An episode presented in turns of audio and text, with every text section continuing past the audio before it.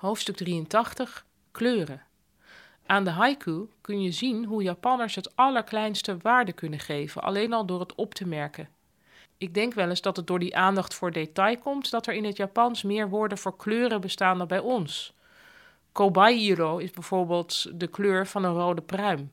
Dat is een nuance van rood waar wij minder gevoelig voor zijn. Benny is weer een ander soort rood, de kleur van de rode wauw, een vogel. Opmerkelijk is wat er in het Japans gebeurt met de kleur groen. Het woord voor groen, midori, gebruiken Japanners veel minder vaak dan wij. In plaats daarvan worden veel meer dingen blauw, ao, genoemd. De lucht is blauw, maar groene thee is ook blauw, evenals groene appels. Het groen van een verkeerslicht, blauw.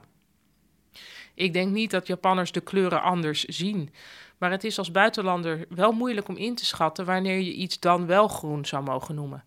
Misschien is het vergelijkbaar met hoe wij rood gebruiken. Als iemand rood haar heeft, dan is dat bijna altijd een soort oranje. Dat zien wij heus wel, maar we hebben afgesproken dat we die haarkleur rood noemen.